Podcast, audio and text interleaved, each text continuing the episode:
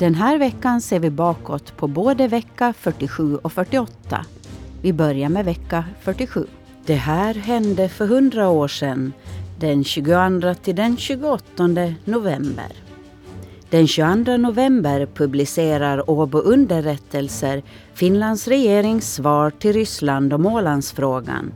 Veckan före hade Ryssland skickat en not till både svenska och finska regeringen att de ser Ålandsöverenskommelsen som en fientlig handling eftersom Ryssland inte involverats i frågan. Finlands regering svarar enligt följande. Finlands regerings deltagande i den nyss hållna Genèvekonferensen och dess anslutning till den vid konferensen ingångna överenskommelsen kan desto mindre betraktas som en ovänskaplig handling mot någon, som hela åtgärden avser säkerställandet av fred och fredliga förhållanden. Den 23 november har Åbo Underrättelser en artikel om riksdagens första behandling av Ålandslagarna Grundlagsutskottets ordförande Setälä presenterade förslaget och sade att trots kritik mot vissa delar i lagpaketet kan inte Finlands riksdag försöka ändra på lagarna. Ska de godkännas så ska de godkännas oförändrade. Jag behöver icke gå till att utmåla de följder som kunna föranledas av garantiernas förkastande. Det borde åtminstone vara klart för alla att i ett sådant fall denna fråga, som redan krävt sådan tid, och nio skulle förbli öppen. Angående amnestilagen för de ålänningar som smitit undan värnplikten och som arbetat för en återförening med Sverige säger ordförande Setälä att det inte är något förnuft i att nu väcka åtal mot dem. Det är skäl att det nu drages ett kors över händelserna och att Finlands statsmakt räcker en försonande hand åt ålänningarna i hoppet att dessa som en man taga denna hand. Sist och slutligen bordlades ärendet på förslag av socialdemokraten Hello med understöd av partikamraten Vojomma. Landsbygdspartiets riksdagsledamot Mikko Pitolainen sa att Ålandslagarna och självstyrelselagen är förnedrande för Finland och han avsåg inte rösta för deras godkännande. Den svenska vänsterns riksdagsledamot Georg von Wendt ansåg att garantierna borde läggas in i självstyrelselagen.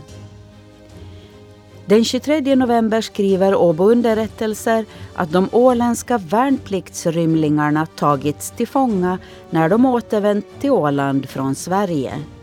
Ynglingarna fördes vidare till Åbo för fullgörande av sin värnplikt.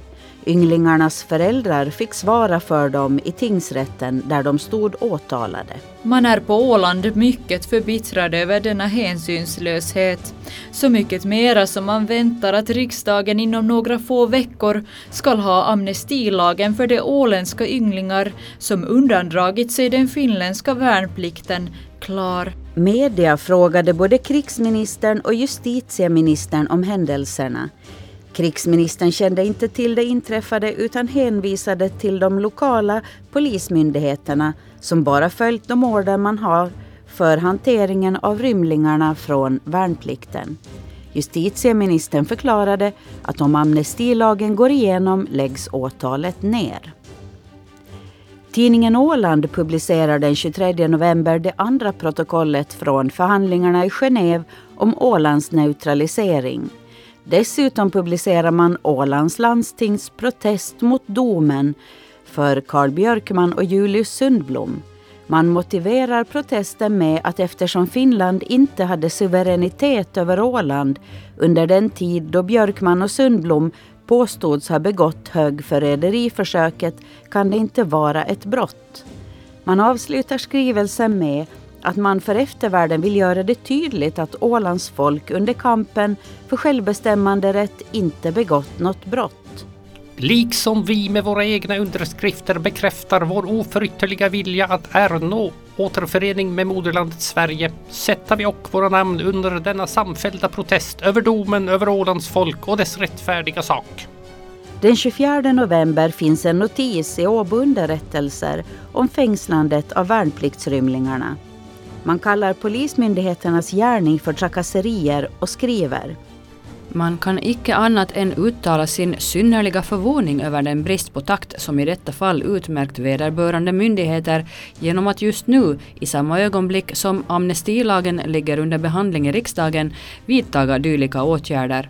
Om ej en länsman eller poliskonstapel förstår bättre så borde överordnade myndigheter ha åtminstone någon blick för vad politisk takt fordrar. Åbo underrättelse refererar också till Svenska Dagbladets ledartext där man ägnar sig åt Ålandsgarantierna.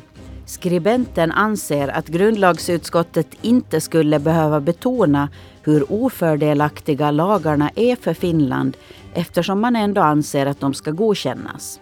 Den grundläggande förutsättningen har härvidlag varit känslan av det rätta och rimliga i att åt en befolkning som visat sig känna svenskt men som ej får återförenas med Sverige åtminstone ge den ersättning som ligger i medvetandet om modersmålets grundmurade framtid. Skribenten menar att det viktigaste i Ålandsöverenskommelsen är att Åland ska vara enspråkigt.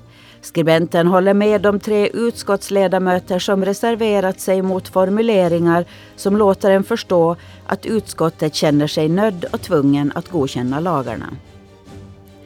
Den 24 november refererar Åbo underrättelser till en intervju som en norsk journalist gjort med Sveriges statsminister socialdemokraten Hjalmar Branting.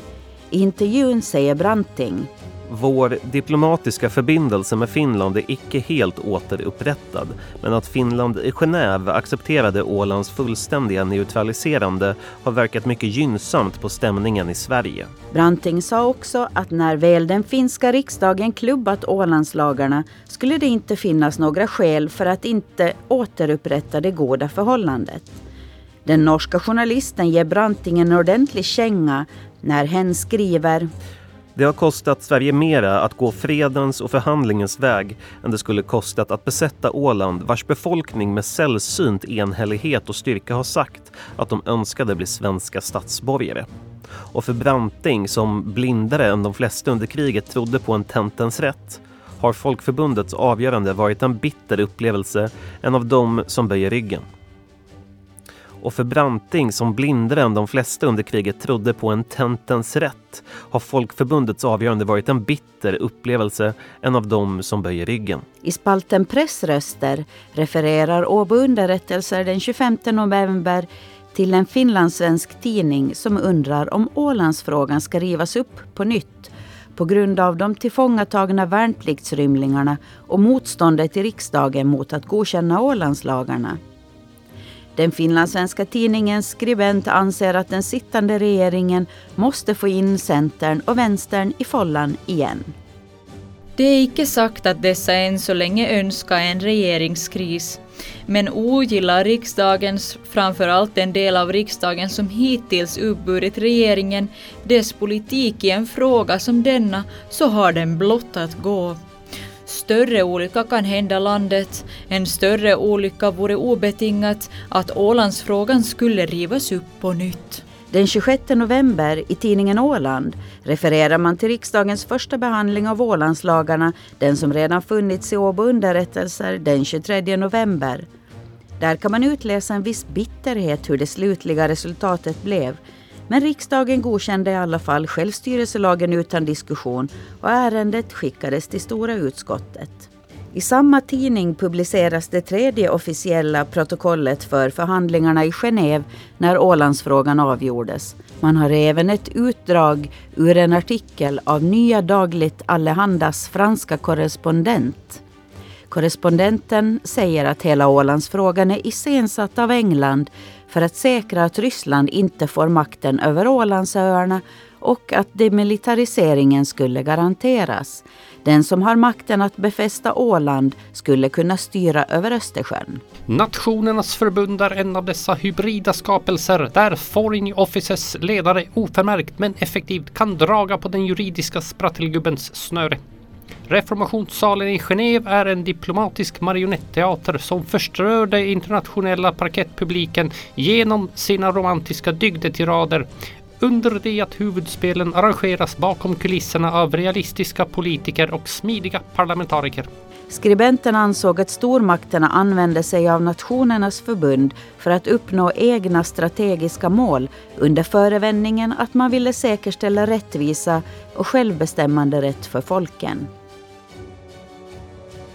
Det här hände för hundra år sedan, den 29 november till den 5 december. Den 30 november publicerar tidningen Åland det fjärde protokollet från förhandlingarna i Genève när Ålandsfrågan avgjordes. I den tidningen har man även ett utdrag ur professor Edvard Westermarks tal i oktober på Åbo Akademis studentkårsmötet. Det talet nämnde vi redan här i tillbakablicken. Den 2 december finns en notis i Åbo underrättelser att Ålandslagarna godkänts utan ändringar av riksdagen. Den 3 december rapporterar Åbo underrättelser från ett möte som hölls av några Stockholmsstudenter. På mötet ventilerades Ålandsfrågan och Sveriges Östersjöpolitik. I öppningstalet sa den svenske filosofiedoktorn Erik Hedén att när Sverige erkände Finland 1918 borde man haft som villkor att Åland skulle få bestämma själv vart man ska höra. I de efterföljande diskussionerna visade det sig, enligt skribenten, fortfarande finnas ett starkt intresse för att Åland ska återförenas med Sverige. Men man framhöll samtidigt att lösningen på Ålandsfrågan inte bara är negativ för Sverige. Man noterade också att de åländska ledarna Eriksson och Tamelander var med på mötet. Det var allt för den här veckan. Vi hörs igen nästa vecka. Jag heter Nina Smeds.